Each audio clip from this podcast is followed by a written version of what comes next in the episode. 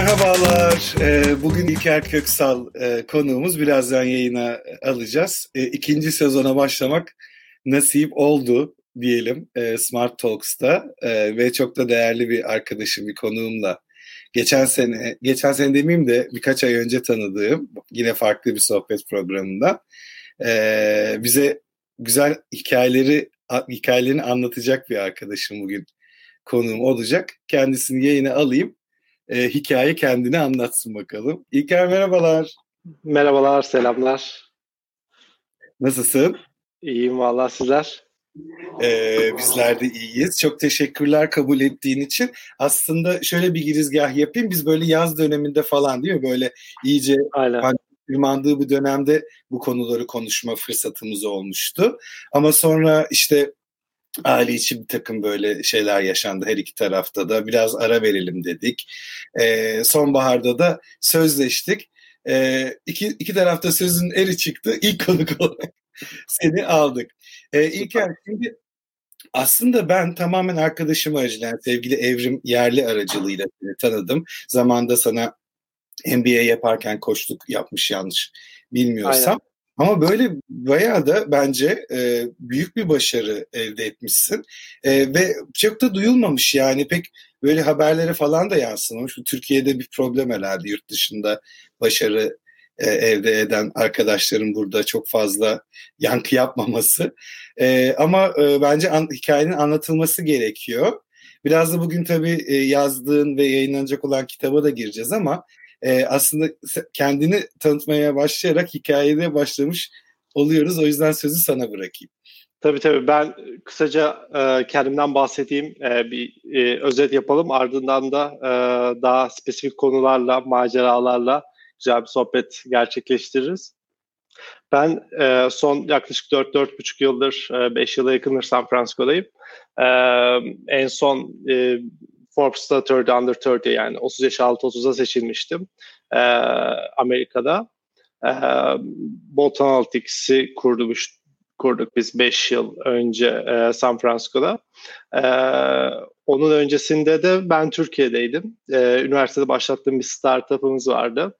Onu exit ettik. Ben daha sonra e, MBA yaptım ve ardından da San Francisco aslında tek yön bir e, uçakla e, yeni bir maceraya atılmıştım. Şimdi de e, daha farklı bir macera. E, bu aslında toplam 10 yılın e, getirisi götürüsüyle bir kitap ele aldım. Founders FAQ diye. E, founderların özellikle early stage'de, bu arada İngilizce, Türkçe şey konuşabilirim şimdiden kusura bakmayın. E, early stage'de e, ki founderların ya da founder olmak isteyen yani girişimci olmak isteyen insanların da sorabileceği e, aklında olan e, ve aslında cevabını da e, bilmediği soruların hepsini aslında bir kitapta topladım. Şu an onun da bu yıl e, sonuna doğru release'i gerçekleşecek. foundersfaq.com'dan da bakabilirler. Şu anda da onunla ilgileniyorum. Orada aynı zamanda San Francisco'daki top tier yani çok popüler VC'leri de kitabın içerisine aldım ya da 200-300 milyona startup'ını exit eden founder arkadaşlarımı da kitabın içerisine aldım. Onların da görüşleriyle aslında e, bir True Guide gibi bir e, başucu kitabı oldu e, founderlar için. E, bu şekilde aslında kısa bir özet var ama bunların içerisinde şimdi e, dalarız. E, bunların içerisinde bir sürü macera var. Tamamdır. Ee, şey çok ilginç. Ee, tek yönlü biletle Amerika'ya gidiyor olman. Çünkü çok dedike gitmişsin yani kafaya koymuşsun onu. O nasıl bir cesaretti? Nasıl o motivasyona e, ya, sahip oldun? Açıkçası şöyle, e, ben üniversitede Bilkent bilgisayar mezunuyum ben. E, startup'ımı e, San Francisco'da yapmak istiyordum. Üniversitede bir startup'a başlamıştım ikinci sınıfta. E, benim de evde duvarda bir San Francisco Bay Bridge e, köprüsü asılıydı. Sürekli ben o köprüye bakıyordum. San Francisco'da startup yapmak istiyorum vesaire. E, yani o benim bir hayalimdi açıkçası. E, günün sonunda San Francisco'daki evimin manzarası Bay Bridge manzaralı bir ev oldu. E, o da bir nüans oluştu e, geçen süreç içerisinde. Aslında bu benim hayalimdi. O yüzden tek yön biletle turist vizesiyle e, San Francisco'ya gittim diyebilirim yani. Çok güzel. Yani herkes herkes gidebilir yani turist vizesi olan E, yani çok minimal bir param vardı cebimde de. Onunla e, gittim. E, kapıda bir problem yaşamışsın onu da anlatmak Aynen. E, tek yön bilet aldığımız için e, ortağımla birlikte gittik. E, iki ortak. E, ve dönüş bileti yok. E, dönüş biletiniz var mı dediler. Yok dedik. E, bizi bir çapraz sorguya aldılar. E, immigrant olarak hani e, orada değerlendiriyorlar. E, ülke göçme ediliyorsa vesaire. Normalde ülkelere geri yollanabiliyorsun. Biz bir çapraz sorguya girdik. Neyse ki geri göndermediler. E, giriş yapabildik. E, bir süre turist vizesiyle takıldık ama öyle söyleyebilirim yani. Orada da e, ilginç maceralarımız var. Peki e, girişim neydi? Biraz onu bahsedebilir misin? E, yarattığın farklılık neydi? Bir arkadaşınla birlikte sanırım yaptın. Yani e, ne amaçlıyordu? Biraz onu anlatabilir misin? Bizim aslında hiçbir e, yani git, giderken hiçbir düşüncemiz e, şunu yapacağız bunu yapacağız diye bir şey yoktu. Aslında tek hayal e, San Francisco'da bir şey yapmaktı. Bu herhangi bir şey olabilirdi. E, benim kendi ekspertiz alanım e, daha çok analytics alanı. E, gitmeden önce San Francisco'ya MBA'in bir kısmında Google'a consultancy olarak da e, analytics hizmeti vermiştim. Consultancy vermiştim. E, ben birazcık da analytics tarafında bir şeyler yapmak istiyordum. Biz e, San Francisco'ya gittik. Tabii San Francisco çok pahalı e, inanılmaz pahalı. Biz e, ortamda aynı yatakta filan uyuyoruz e, böyle 4-5 ay 6 ay. E, sonra paramız bitiyor ofis e, ofiste yatan e, ofise yatak kuruyoruz filan o, o şekilde uyuyoruz. Meetup'larda yemek yiyoruz. Böyle e, inanılmaz bir şekilde bütçeyi sınırlı tutarak da hayatımıza devam ediyoruz ve bunlar devam ederken biz hackathonlara katılıyoruz. Tabii e, San Francisco'daki hackathonlarda ödül birazcık daha büyük oluyor. Yani e, ilk üçe girince 5 bin dolar, 10 bin dolar alabiliyorsunuz. Orada biz de e, conversational e, e, bir e, chatbot ve AI yapısıyla bir şeyler deniyorduk. Oradan aslında fikir çıktı. Bunun da analitiğini yapabiliriz diye. Ve orada bir noktada biz pazara ilk giren oyunculardan birisi olduk ve o, o şekilde de büyüdü. E, aslında buradaki ana fikir şu. E, herhangi bir şey olabilir bu. E, önemli olan e, bir şeyi kafaya koymak. Yani ben gerçekten orada olup orada bir şey yapmak istiyorum. E, bu değişebilir, pivot edebilir, herhangi bir şey olabilir ama hedef orada olup bir şey yapmak. Yani onu söyleyebilirim. Anladım. Peki Türkiye'deki girişimcilik ortamıyla e, Amerika'daki girişimcilik ortamı arasındaki farkı anlatmaya başlasan sabaha kadar sürer mi? Ee, sürebilir. Yani e, eskiden daha fazla sürerdi. Belki şu an e, daha az sürebilir. E, yani benim Amerika'ya gittiğim seneler, senelerde çok daha başındaydı. Şu an en azından çok daha farklı accelerator'lar, e, yatırımcılar, girişimciler çok arttı. Kapital de birazcık daha arttı. Eskiye nazaran daha iyi diyebilirim. Yani temel fark şu aslında birbirini destekleyen bir kültür var San Francisco'da. Yani sen gerçekten iyi bir şeyler ortaya koyuyorsan e, hızlı bir community yaratabiliyorsun ve seni destekleyen insanlar ortaya çıkabiliyor. Şöyle söyleyeyim, ben San Francisco'ya ilk kez gittim e, ve e, meetup'lara katılıyorum ve meetup'larda konuşmacılara bakıyorum ve ben şunu sordum kendime, ya ben ne zaman konuşacağım stage'lerde ve ben Ondan yaklaşık 7-8 ay sonra San Francisco'dan 7-8 ay sonra zaten e, birçok panelde artık konuşmacı olarak çıkıyordum. E, bunun desteğini e, size community veriyor. Community nasıl veriyor? Aa, evet İlker bu alanda iyi gerçekten şu işi başarıyla yapıyor ve işte Venture Beat'te yazıyor. Orada burada e, şeyleri de çıkıyor. İlker burada notable bir insan. Artık konferanslarda panellerde çıkabilir.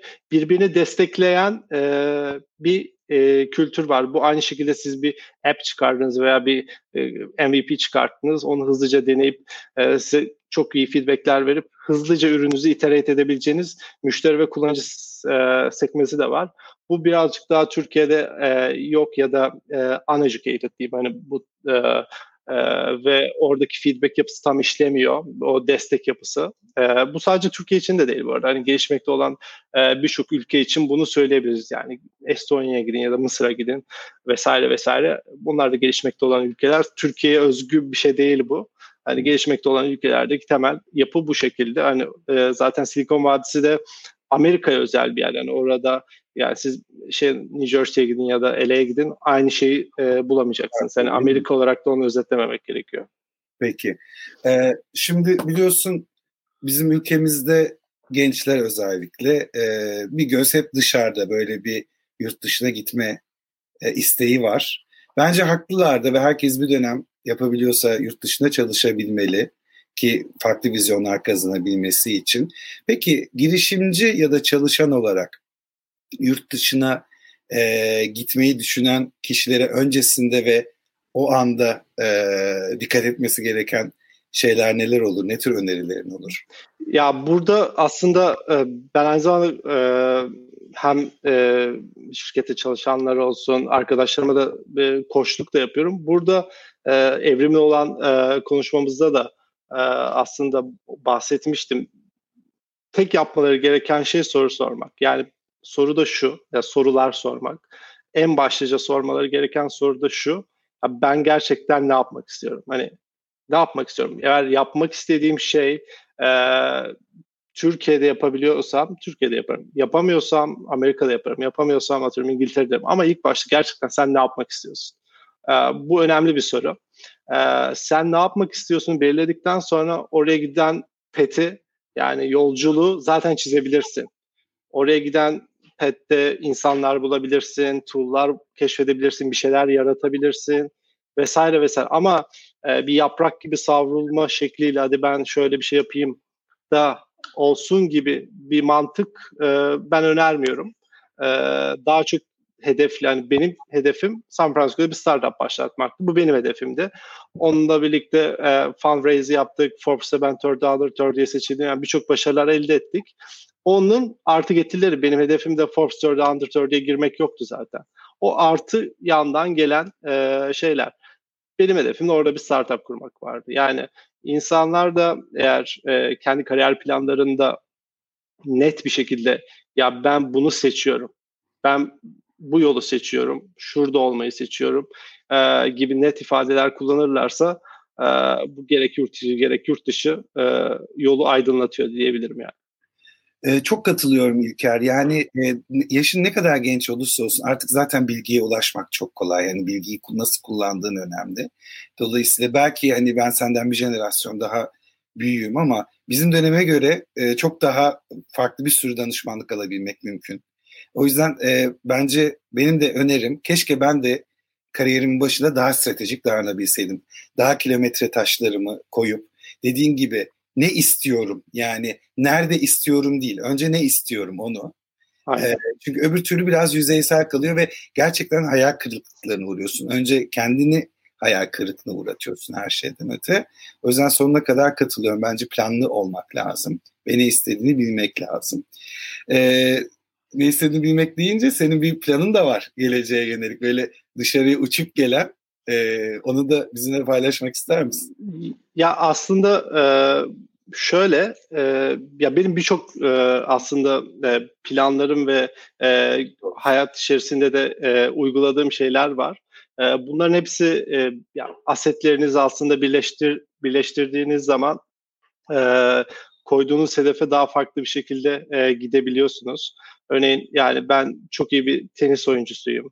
E, bu tenis oyunculuğumu örneğin San Francisco'da tenis kulübüne girip gerçekten e, VP Marketing, Levi's gibi insanlarla e, tanışmak olarak kullanıp kullanabildim. Bu bir aset yapısıydı.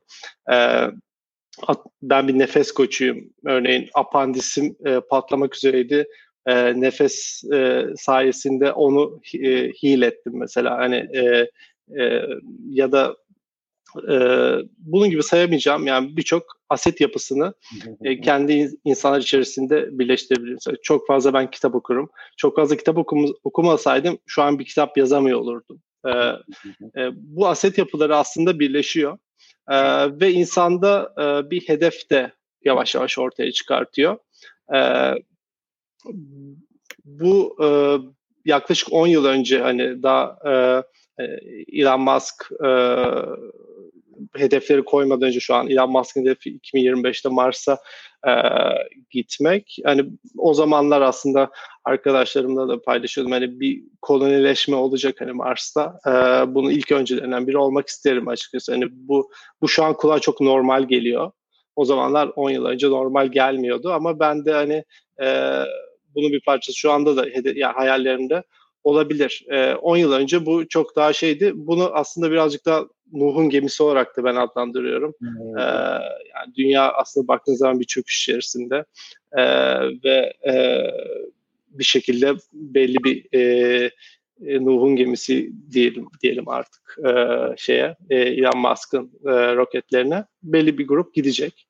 E, ben birazcık daha öyle bakıyorum. O biraz çok daha şey bir şey.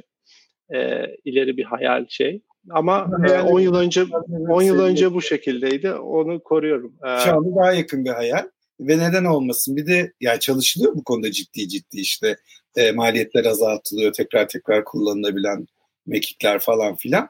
E, hep orada şey dilenmesini yaşıyorum. O kadar oraya ayrılı, ayrılan kaynağı, kaynağı dünyayı iyileştirmeye ayırsak diye düşünürdüm işin başında ama Elon Musk öyle bir farklı vizyon kazandırdı ki bana. Yani bence bir backup'ımız olmalı yani bir backup gezegen olmalı. E, çünkü hani çok uçuk ama bir göktaşı da çarpabilir bir şey de olabilir ama Aynen. aslında çok zayıf varlıklarız. Yani dünya ol, yoksa biz de yokuz. Dolayısıyla ikinci bir alternatif uygarlığın devamı için mantıklı olabilir. Her neyse konuyu çok dağıtmayalım ama e, bu güzel bir e, hedef. E, umarım da gerçekleştirirsin. E, kitaba da Heh, pardon bir şey söylüyorsun. Yok yok bir şey demedim. E, kitaba da e, geleceğiz. Ondan önce ben e, valla Evrim'in sohbetinde söylediğim bir şeyi paylaşmak istiyorum. Ne olur bana evet. ama. Şimdi e, gerçekten İlker aya çok hayalperest gelebilir bazılarınıza ama o kadar ayağı yere basan böyle mantıklı e, örgülü hedefler koyuyor ki önüne. Ve inanıyorum bir gün Mars'a da gider yani. O ayrı. Bir yandan da şey başkası dinlese böyle af ne ukala kendi beğenmiş diye, diyebileceğiniz bazı cümleleri oluyor arada. Şimdi ne demek istediğimi daha iyi anlayacaksınız. Şey dedi ben böyle kaldım e, evrimle e, konuşmasında. E, ya dedi Amerika'ya gittiğimde en kötü ne olur ki girerim Google'da, Facebook'ta çalışırım dedi tamam mı? İlker tanıyordum da. İlker ne diyorsun? Buradakilerin çoğunun tap hayali o yani. Hani adamdaki vizyona bak dedim ben böyle. Hiç o kala gibi gelmedi. Ama gerçekten de zaten sonra sen de açıklamışsın. Yani hani ben zaten oralardan iş teklifi almıştım aç kalmam bir şekilde diye düşündün yani değil mi? Ya aynen ya o birazcık e, evet yanlış anlaşılabilir. E, ben onu kendimi tanıdığım için e, çok rahatlıkla kullanabiliyorum. Hani ben ilk girişimi yaparken de Twitter'dan teklif almıştım, onu reddetmiştim. E, biz San Francisco gittik, Botanatics'i de yaparken e, Google'dan teklif aldım. Onu ikinci dakikada reddettim, ortağıma gösterdim. Hani e, we are, bunda dedike bir şekilde devam edelim diye. E, insanın bir noktada kendini zaten bildikten sonra hani en kötü gerçekten ne olabilire bakıyor. Ee, o noktada onu gördükten sonra da benim bir hayalim var. Ben bu hayalim için e, yüzde iki yüzümü ver, vermem gerekiyor diyor. Çünkü en kötü zaten bu olabilir. Ee, en kötü başka bir şey de olabilir. Bu insandan insana göre değişir ama e, insan eğer kendini çok iyi tanıdıktan sonra o en kötü senaryoyu da biliyor ve ona göre gerçekten hayallerine çok daha özgüvenli ve e, sağlam adımlarla ilerleyebiliyor. Bu işin aslında e, şey e, trick orada yani kendini e, tanım tanımak. Kesinlikle. Bu arada başka bir ekranın da var. Oradan soruları da bakıyorum. Tam yeri gelmişken biraz o konuyu geçtik ama Oya e, Oya Sanlı soruyor. E, e, herhangi bir startup mı kurmak istiyordunuz yoksa detayları düşünüp taşınıp öyle mi gittiniz? Biraz bunun cevabını verdin aslında ama biraz orada belirlendi galiba ihtiyaçlar. Evet, evet, evet. Aynı aynen e, orada belirlendi. Herhangi bir şey düşünüp ya da şöyle vesaire e, yapmak değil. Bütün süreç orada gerçekleşti. Zaten e, konu şu. E, gerçekten neyin tutacağını veya neyin ihtiyaç olduğunu oradaki pazar araştırması ve e, e, şirketlerin veya eğer B2C bir ürün yapacaksınız son kullanıcının e, feedbackleriyle şekillendirmeniz gerekiyor. O yüzden hani ne, çok fazla detaylı bir şekilde oraya gitme. Sadece tek bir şeyle ben orada hani e, bir startup yapmak istiyorum. Yani tek şey, tek gerçek ve net olan buydu. E, bunun dışında tabii ki kafada e, dediğim gibi ben analitik tarafındaki tecrübelerim vesaire vardı. Yani o, o yöne de beni kırdı ama o net değildi. Net olan sadece orada bir şey e, bir startup kurmaktı e, net olan. Tamam. Ee, şimdi bir e, yine e, Oya Hanım sormuş ne tür kitaplar okuyorsunuz diye ama bunu biraz kitabından bahsettikten sonra cevaplayalım istersen. E, tamam. E, kitap yazma fikri nasıl ortaya çıktı? Podcastler yaptığını biliyorum. Bir, bilmeyenler için anlat istersen. Orada birçok böyle hikaye, bilgi biriktirdin aslında bir sürü farklı influencer'la. E, ama ben susayım sen anlat. Kitap nasıl tamam. olmuştu ve ne anlatacak kitap bize? Kitap şöyle aslında yani San Francisco'dayken de hem Türkiye'den hem başka ülkelerden birçok girişimci ya da girişimci olmak isteyen arkadaşımız bana yazıyordu. Şunu nasıl yapabilirim, para nasıl raise edebilirim, takım nasıl kurabilirim, e, doğru bir ortak nasıl bulabilirim, e, product market fit nasıl yaratabilirim e, ya da birazcık daha scale ettim doğru bir board yapısına kimi dahil edebilirim gibi. Böyle birçok çok soru e, alıyordum. Bunu sadece ben almıyorum gerçekten. E, Birçok e, San Francisco'da e, başarılı girişimci alıyor bu tarz soruları ve bu sorular aslında e, benzer nitelikte. Özellikle early stage bir e, startup'ın founder için yani e, henüz daha seri B, seri C'yi görmemiş, e, seed, seri A civarında gezen veya hiç bu işe başlamamış e, bir kişi için bu sorular benzer diyebilirim %80-90. E, bunları bu kadar aldıktan sonra e, artık bununla ilgili bir kitap yazmam gerektiğini karar verdim. Ve Founders FAQ diye içerisinde e, yatırımcıdan nasıl para raise edeceğiniz, San Francisco'da top tier VC'lerden nasıl para raise edeceğiniz, e, nasıl e, A plus bir takım oluşturup e, bu takımı e, 50 kişiden 100 kişi 200 kişiye çıkarabileceğiniz, e, nasıl bir kültür oluşturabileceğiniz, doğru ortakları nasıl bulacağınız, e, gerekirse ne zaman bırakmanız gerekiyor gibi birçok konuyu e, bu kitapta derledim. E, ve e, bunun yanına her chapter'la ilgili, her sub chapter'la ilgili de e, San Francisco'daki top tier VC'lerle de podcastlerim var benim. Onların da görüşlerini kitaba dahil ettim. E, çünkü tek bir doğru yok. Herkes farklı açılardan e, konuyu ele alabiliyorlar. Ben de farklı açılardan ele alıyorum ama konunun sonucuna geldiğim zaman sonuç aynı. Ama farklı açılar var. E, onları da kitaba dahil ettim veya startup startup'ın 200 300 500 milyon dolara e, satmış founder'ları da kitaba dahil ettim. Onların görüşlerini. E, böyle bir true guide gibi düşünebilirsiniz kitabı. İçerisinde her şey olan e, bir founder olmak isteyen veya bu işe başlamış ama henüz seri B, C'leri görmemiş, bu işin challenge ile henüz tam e, karşılaşmamış e, early stage founder için ideal bir kitap. E, yıl sonunda da Amerika'da e, release oluyor. Hı, onu soracaktım. Aynen. Ee, şey, yıl sonu Amerika'da orada da iddialı bir hedefim var. Amazon'dan gireceksin. Evet. Evet. Orada e, aynen orada e, Amazon bestseller yani kendi alanında Amazon bestseller e, olarak kitabı e, oradaki hedefimde. Ben kitabı da aslında biraz product gibi düşünüyorum. Hani kitap yazmış olmak için değil. Kitap benim bir ürünüm. E, bu ürün de hedefi Amazon'da bestseller, o kendi alanında bestseller olması. E, şu anda da zaten onun için çalışıyorum. E, bir şekilde o hedeflik ve netlik belli olduktan sonra o gerçekleşiyor. Hani bu e, sadece bu aşamada onun yolları neler? Ben onları yapıyorum. Hı hı. Ee, Türk şey Türkçesi yayınlanacak mı? Türkçesi yani, de daha sonra gelecek. Aynen Türkiye'ye gelecek Amerika'dan sonra. Tamam. E, e-kitap olarak mı olacak yoksa? E-kitap da var, hardcover da var, e, audiobook olarak da geliyor. Hepsi var. Çok güzel. İmzalı bir tane istiyorum. Tamam. ee, peki diğer e, benzer girişim kita- girişimci kitaplarından ayıranlar ne Founders Efe'yi? Şöyle e, yani ben hani çok iddialı ol- olmasın ama hem girişimcilik tarafından hem business kitapların yani büyük bir kısmını o yani popüler olan ve daha az popüler olanlar da olsun bu 10-15 yıllık süreçte ben okudum. Hani ne anlatıldığını. cevap vermiş oluyoruz. yani çok kitap okuyor.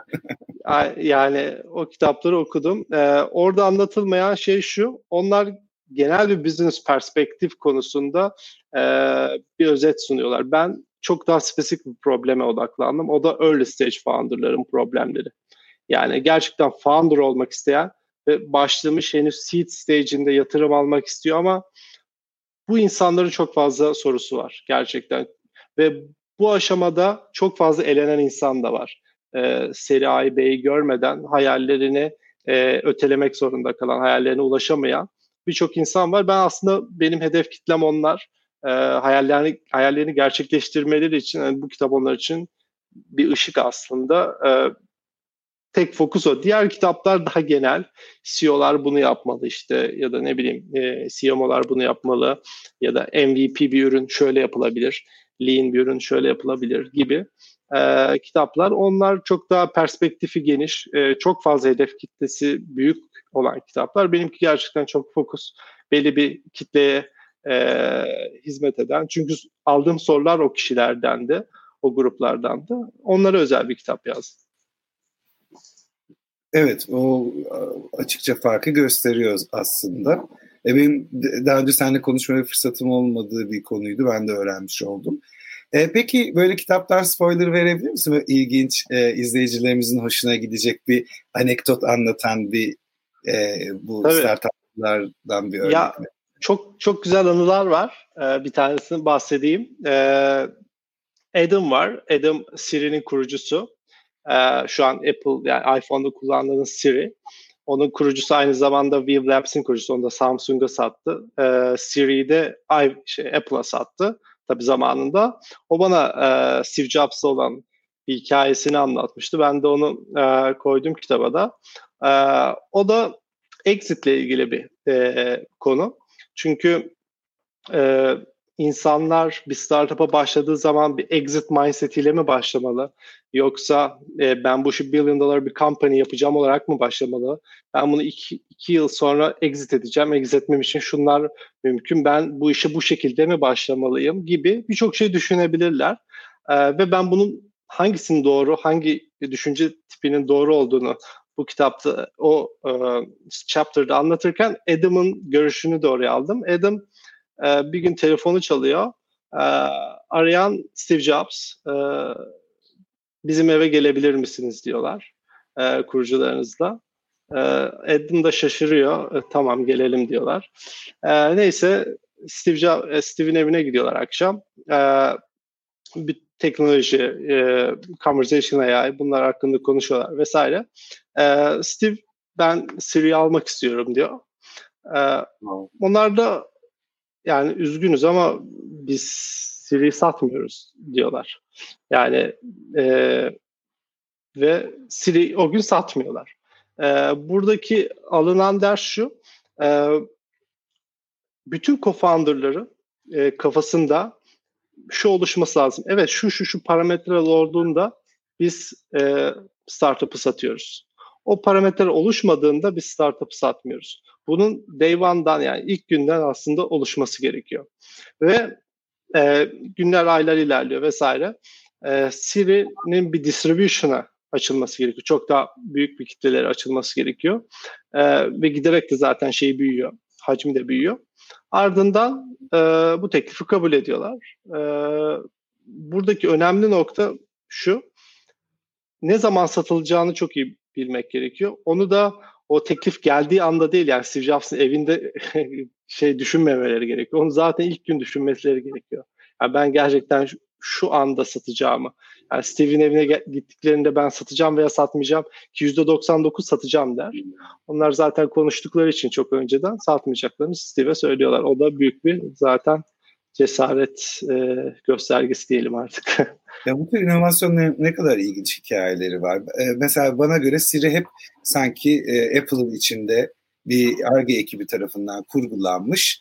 Hep Apple'la iç içe çünkü Siri o kadar artık şey ki Apple'la bağdaşmış durumda ki hiç satın alınan ne bir Facebook'un WhatsApp'ı satın alması gibi çok ayrı bir hikaye gibi gelmemiş bana. Gerçekten çok ilginç ama burada alınacak çok doğru bir ders var. Senin de söylediğin gibi e, planını yaparken gerçekten bir girişimci olarak girişimi ne zaman satacağını da az çok tayin edebiliyor olman lazım. Bunun için de muhtemelen biraz piyasaları takip etmek, finansı, trendleri takip etmek de ihtiyaçlara bakmak, rakip analizi, çevre analizleri yapmak lazım. Yanlış düşünmüyorsam. Ee, bir de şey var. E, nasıl söyleyeyim? Biz evet yani çok heyecanlanıp önceden de satabilir yani birçok kişi ben mesela belki o ne güzel işte Apple benim ürünümü alacak falan deyip satardım. Ee, ama doğru değil stratejik bir şey değil satranç oynamak gibi. Ee, ama bu bir yandan da şey de gerekiyor e, İlker biz hep biraz şeyiz ya Türkler olarak Survivor kası güçlü insanlarız. Dolayısıyla aman bir aç kalmayalım da hemen gelmişken bir daha gelmezler falan deyip şey yapabiliyoruz yani. E, o an böyle o heyecanla, o sıcaklıkla bu tür şeylere karar verebiliyoruz. O yüzden de hem maddi hem de psikolojik dayanıklılık da lazım. Ben Kesinlikle. gözlemledim aslında. Yani bir şekilde tamam sen en kötüsüne razı olmuşsun ama kafa hep şey resilient yani ileriyi de düşünüyor. O dayanıklılığı da yaratmışsın kendinde. Kesinlikle en büyük e, yani bu süreçlerin hani founder e, eğer ol, founder olacaklar için de söyleyebileceğim en büyük şey e, psikolojik dayanıklılık. Bu bunu altını her noktada çizebilirim. E, öyle ki hani biz gerçekten belli bir limited parayla gitmiştik San Francisco'ya. E, dediğim gibi meetup'lardan biz besleniyorduk. Hani e, çok pahalı bir şehir olduğu için hani e, ortamda aynı yatakta yatıyorduk vesaire. E, ve bu tarz bir süreç bir 8 ay 7-8 ay devam etti. Hani ben 3. ayda benim konfor seviyem e, San Francisco'ya gitmeden önce İstanbul'da gayet güzeldi. Gayet iyi bir hayatım vardı. Yani bir anda bambaşka bir hayata dönüştü. E, çok iyi MBA'im var, bilgisayar mühendisiyim, e, Google'dan mesela teklif de alıyorum. Hani çok farklı şeyler de yapabilirim. E, ama o değil yani kafamda koyduğum bir şey var. Ama bu da yetmiyor. Gerçekten psikolojik bir dayanıklılık da gerekiyor. E, ve sürekli o kendinle birlikte özbenliğinle kalıp onunla dinginleşip gerçekten e, dışarıdaki sesleri pek de aldırış etmeden çünkü dışarıda çok fazla ses var. O dışarıdaki seslerin sizin içinize girmemesi pek e, girmemesi gerekiyor. E, kendinizi daha e, fazla yalnız kalarak e, bu süreci bir içsel e, e, bir süreç olarak ele almanız da gerekiyor. Özellikle bu ilk kısımlarda daha sonralar tabii startup çok daha hızlı büyüyor, para raise ediyorsunuz. Bir noktada kartop olduktan sonra e, çok daha şey çok daha kolay. İlk başları her zaman daha zor oluyor. Kırılma noktaları var değil mi? Aynen. Aynen. Evet. Berke'nin bir sorusu olmuş. Biraz önceki e, konu konuştuklarımıza e, istinaden. Türkiye için planlarınız var mı? Ne tarz boşluklar görüyorsunuz MVP feedback dışında? girişimcilik konusunda ne tarz boşluklar görüyorsunuz demek istedi herhalde. Yanılıyorsam e, düzelt bizi belki. Sen nasıl anladın İlker? Ee, yani ikinci soruyu anlayamadım ama Türkiye evet. için bir planım yok ama e, girişimcilik alanında eğer soruyu alırsak yani girişimcilik tarafında ne tarz boşluklar görüyorsunuzun cevabı e, kapital. E, San Francisco'nun olayı kapital. Kapitalle büyüyor her şey. E, yani siz kapital alıyorsunuz. E, deniyorsunuz, hızlıca deniyorsunuz, hızlıca belki scale ediyorsunuz veya batıyorsunuz. Ama bir kapital bolluğu olduğu için çok fazla startup var ve çok fazla batan ve başarılı olan startuplar var. Hani Türkiye'nin eksiği bu noktada startup kapital e, eksikliği. Bu sadece Türkiye için de demeyeyim yani şey e, normal e, gelişmekte olan bütün ülkelerin e, startup e, VC tarafında kapital. Şu an hatta Türkiye eskiye göre çok çok daha iyi tabii onu bir kenara bırakıyorum. Eskiden çok daha e, zayıf noktadaydı. Ama tabii ki San Francisco ile yani Türkiye ya da başka bir ekosistemi karşılaştırmak yanlış olur. E, e, özü farklı sadece kapital de değil. E, orada kurulan bir e, ekosistem var. E, bazıları başarısız oluyor, bazıları başarılı oluyor e, ve birbirlerine yardım ediyorlar. E, bu insanlar çok fazla. E, Türkiye'de çok fazla başarılı olup daha sonra çok fazla başarısız olan insan kitlesi de olmadığı için hani e, öyle bir startup döngüsünden geçmedi. O yüzden en büyük eksiklik bu. Yani ekosistemin daha yeni yeni oluşuyor olması. Bu da doğal. Hani e, şey değil. Doğru. Yani geç de olsa artık teknoloji ihracatı yapmayan ülkelerin bir geleceğinin olmadığını görmeye başladık herhalde. Özellikle yani sadece girişimcilik değil, yani sadece teknoloji değil ama yüksek değerli birim bazda yüksek değerli ürünler satalı, satabilmeliyiz ki e, sürdürülebilirliğimiz olsun. Umarım daha çok yolumuz var ama evet. umarım olacak. E, peki aslında ben de benz, e, Berke'nin sorduğuna benzer bir şey soracaktım. Türkiye'ye kısıtlamayacaktım ama şu ana kadarki başarıların zaten aşikar. E, sonra ne, ne gibi planların var e, kısa vadede? Neler yapacaksın? Ee, biraz ondan bahsedebilir misin bize? E, tabii ya şu an açıkçası e, yani tek ana planım E, Founders FAQ bestseller yapmak. E, kısa ve orta. Kapatacak herhalde zaten. Yani bu 2021'in ortasına kadar devam edeceğini düşünüyorum. Ondan sonrası açıkçası hiç planlamadım. Yine startup dünyası içerisinde e, muhakkak bir şey yapacağım. Ama bunu bugün planlamadım şu an çünkü tek bir hedefim var. Ee, bir ürün var. O ürünü başarılı bir şekilde scale ettirmek. şu an için öyle.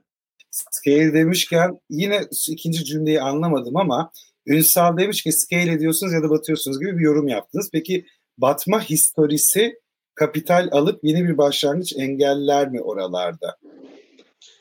Ee, yani şunu demek istiyor herhalde hani para raise ettiniz, e, şey yaptınız, e, battınız bir daha hani şey. Bu tamamıyla e, ha, nasıl? Şey, yani, daha önce batmışsanız tekrar kapital elde etmek kolay mı zor mu onu kastediyor herhalde. Aynen burada e, ben bunu San Francisco olarak yorumluyorum. San Francisco'da gerçekten e, nasıl battığına bakıyorlar iş. E, evet ben bu şekilde batırdığım şekliyle e, zaten bilinen bir startupsa da bunun özeti e, ortaya bu teknik bir problem olabilir, bu market problemi olabilir e, gibi gibi birçok problemler olabilir.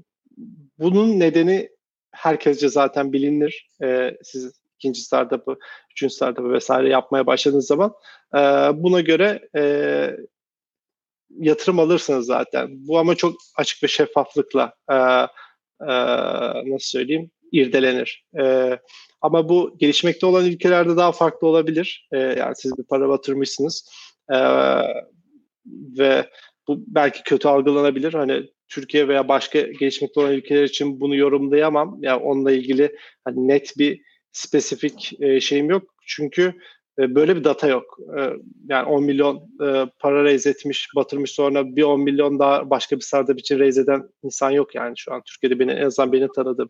Hani öyle bir büyük bir data olsa onunla ilgili de bir yorum yapabilirim ama öbür tarafta öyle bir data var. yani yorumum bu şekilde. Bir de batıp çıkma hikayeleriyle dolu dolu girişimcilik. Yani e, bence e, şey dediğin gibi çok kendi e, başarısızlığından yani çok e, iç sebeplerden kaynaklanmıyorsa e, se- gerekçe iyi anlatıldığında tekrar tekrar olabilir ama çok düşme kalkmıyor var zaten bu. Girişim. Ya bu kesinlikle yani şimdi ben Gagan Gagan'ı da içeri almıştım e, Founders FAQ. Gagan e, Udemy'nin e, kurucu ortaklarından Hı-hı. yani Eren'in kurucu ortağı. E, Udemy'den sonra Gagan Sprik diye bir startup yaptı San Francisco'da. E, onun için 60 milyon dolar raise etti e, Sprig battı. E, ama Gagan başarısız bir kişi mi? Yani evet Sprig başarısız olabilir ama e, Gagan gayet başarılı birisi. Şu anda da başka şeyler de yapıyor. Önemli olan o Sprig neden battı? Gagan orada neyi yanlış yaptı veya takımı neyi yanlış yaptı ya da board neyi yanlış yaptı? Ee, çok fazla detay var. Hani e, bir şey yorumlarken çok farklı açılardan bakmak gerekiyor. Özellikle seri BC yapmış startupların board'u daha da kalabalık oluyor. E, karar alma farklı noktalardan ilerleyebiliyor. E, o yüzden hani bir startup batmıştır, aa, şu founder başarısızdır demek yanlış olur. Birçok nedeni olabilir bunun. Sadece o nedenleri doğru irdelemek lazım. Onu da zaten bir sonraki startup'ındaki VC veya ona inanan kişi bunu çok rahatlıkla irdeler. Zaten genellikle insana yatırım yapılıyor. Özellikle early stage'de.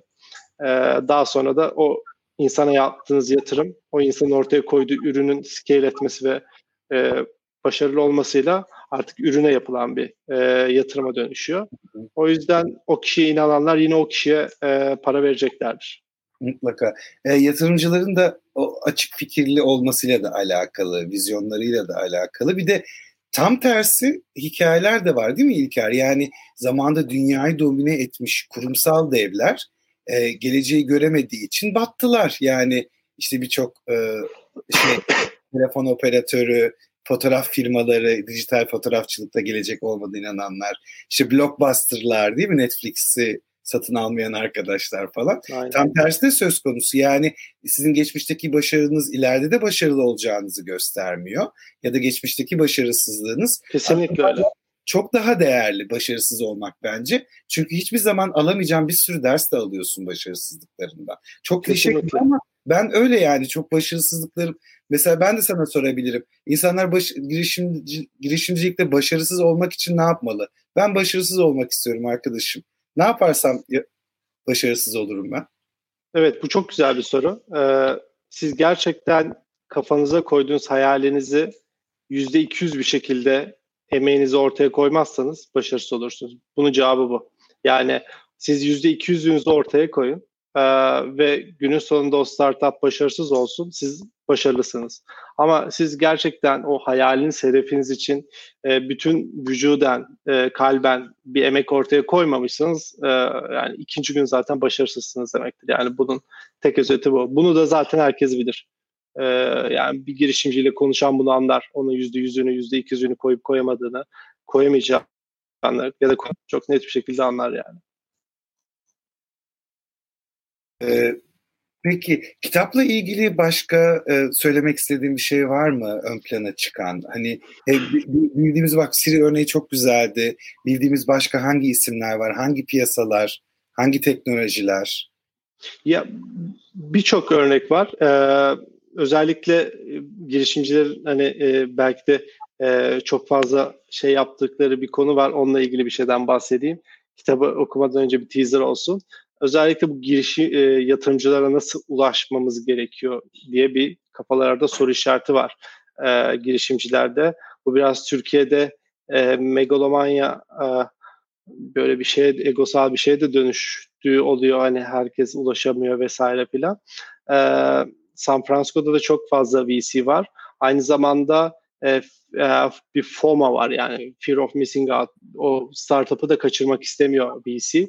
E, o yüzden e, ona atılan mailler vesaire onları da takip ediyor ama burada soru şu. Ya ben gerçekten bir girişimciyim. Ben VC'ye nasıl ulaşmam gerekiyor? Bu çok önemli bir konu. E, çünkü atış haklarınız çok fazla yok.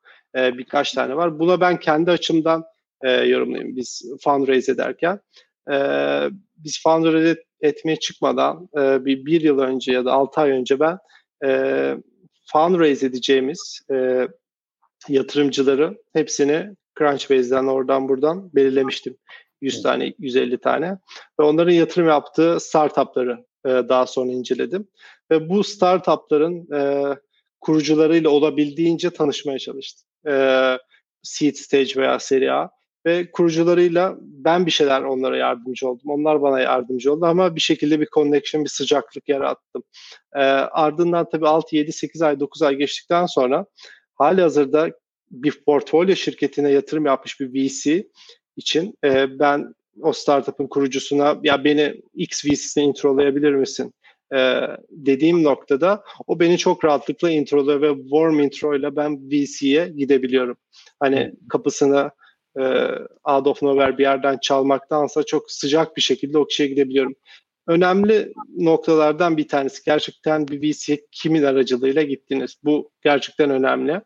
E, ikinci bir önemli nokta e, çok eğer böyle bir imkanınız oluşmadı diyelim hani bu kadar bir network el, elde edemediniz ki bu network elde etmek de resourcefulness olarak geçiyor. Hani sen gerçekten resourceful bir insan mısın? Yoksa değilsen sen bugün o VC'ye o warm intro ile gidemiyorsan sen içeri A plus bir insanı da katamayacaksın startup'ına. Daha sonra bir round olacak. Yeni roundda yeni yatırımcı da bulamayacaksın. Ee, sen satış da kapatamayacaksın. Yani sen bunu yapamıyorsan öbürlerini de yapamayacaksın zaten diyor VC ve bu konuda haklı. Yani orada ağlamaya gerek yok. Aa ben VC'ye ulaşamadım. Evet ulaşamadıysan büyük ihtimalle öbürlerini de yapamayacaksın. E, o yüzden ulaşmaya bak. E, bir nokta o. Ama e, bazı noktalarda da çok e, basit, crystal clear yani çok basit bir iki cümlelik belki de e, bir cold email ile bile VC'ye ulaşabilirsiniz. Çok popüler VC'lere de ulaşabilirsiniz. O noktada da e, benim tavsiyem gerçekten çok iyi bir track record'unuzla. Çünkü o noktada hiçbir warm intro veya founder track record'la o VC'ye gitmiyorsunuz. E, sadece startup'ınızın track record'uyla gidiyorsunuz. Öyle bir şeyiniz varsa çok basit, çok bir iki cümlelik paragraflar yazıyorlar. Öyle bir şey yok yani onu kimsenin okuyacak zamanı yok o paragrafları zaten. Yani bir iki cümleyle özeti verip eğer ona cold email ile ulaşabiliyorsunuz da dön, dönülme şansı çok yüksek oluyor. Onu da söyleyebilirim. Ya bu tarz böyle ince konuları detaylı anlatıyorum zaten kitapta. Aynı şekilde VC'lerin ve founder'ların da e, şeyleriyle, et, e, katkılarıyla çoktan resim ortaya net bir şekilde çıkmış oluyor. Çok güzel. Yani ben aslında girişimci sayılmam. Ben çok ufak bir işletme sahibiyim. Şeyim ben, esnaf insan kaynakları. E, ama e, ger- gerçekten girişim, startup konularında sabırsızlıkla bekleyeceğim ve e, kitabını ilk e, e-kitap olarak da alacağım. E, hard baskı olarak da inşallah görüştüğümüzde e, şey yapacağız, e, alacağız imzalı olarak. E, sorularınız varsa bu arada İlker'den son sözlerini alacağım. E, birazdan kapatacağız. E, bu arada çok çok teşekkür ederim. Çok faydalı bilgiler verdin. Hem girişim hem yurt dışında girişim hem e, işte bu dayanıklılık konusu, e, ne istediğini bilme konusu. E, bunlar hani ders niteliğinde sözler gerçekten. Ve şey de hem iddiaların yani iddialı olman hem de aslında alçak gönüllü bir adam olman da beni en çok etkileyen şeylerden biri. Ki böyle biri olmasaydın gidip de bu insanlardan bu bilgileri toplamazdın. Oturur ben yaptım bir girişim işte ben anlatayım derdin ama çok fazla benchmark yapmışsın aslında. Teşekkürler Hande. Esnaf insan kaynakları ifadesini sevdim demiş. Dolayısıyla e, bu kitapta yani ben başkaları ben gerçekten bu yayınlara hem bir şeyler öğreneyim, öğrenirken de insanlara aktarayım diye başladım. E, pandemiden önce planım vardı ama öyle denk geldi. Dolayısıyla ne güzel oldu ki e, Evrim'le de Evrim aracılığıyla da seninle tanıştım. E, çok yönlü olan, e, çok daha gidecek bir insansın. E, ben başarıların devamını diliyorum. Senin son eklemek istediğin çok, şeyler var mı? Çok teşekkür ederim. Benim eklemek istediğim e, özellikle e, katılımcılardan e, doğru doğru şey şu. Yani birçok doğru vardır ama e, gerçekten hakikat olarak söyleyebileceğim şey şu. E, gerçekten kalbinizde e, ne yapmak istiyorsunuz sorusunu kendinize sorun. E, olmak istediğiniz yer neresi?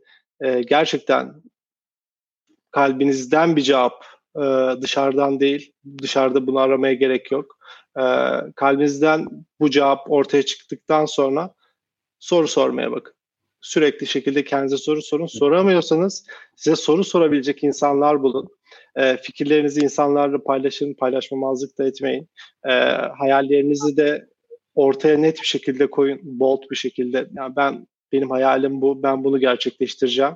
Bunu da e, açıklamaktan çekinmeyin ve ardından bu soruların cevaplarını bulun. Ben hani bunu bir nebze kitapta sizlere e, belli ölçüde verebilirim ama bu hayatta farklı şeyler de olabilir. Bir ilişki başlatmak istiyor olabilirsiniz, bir araba almak istiyorsunuz, baş, her herhangi bir şey olabilir bu.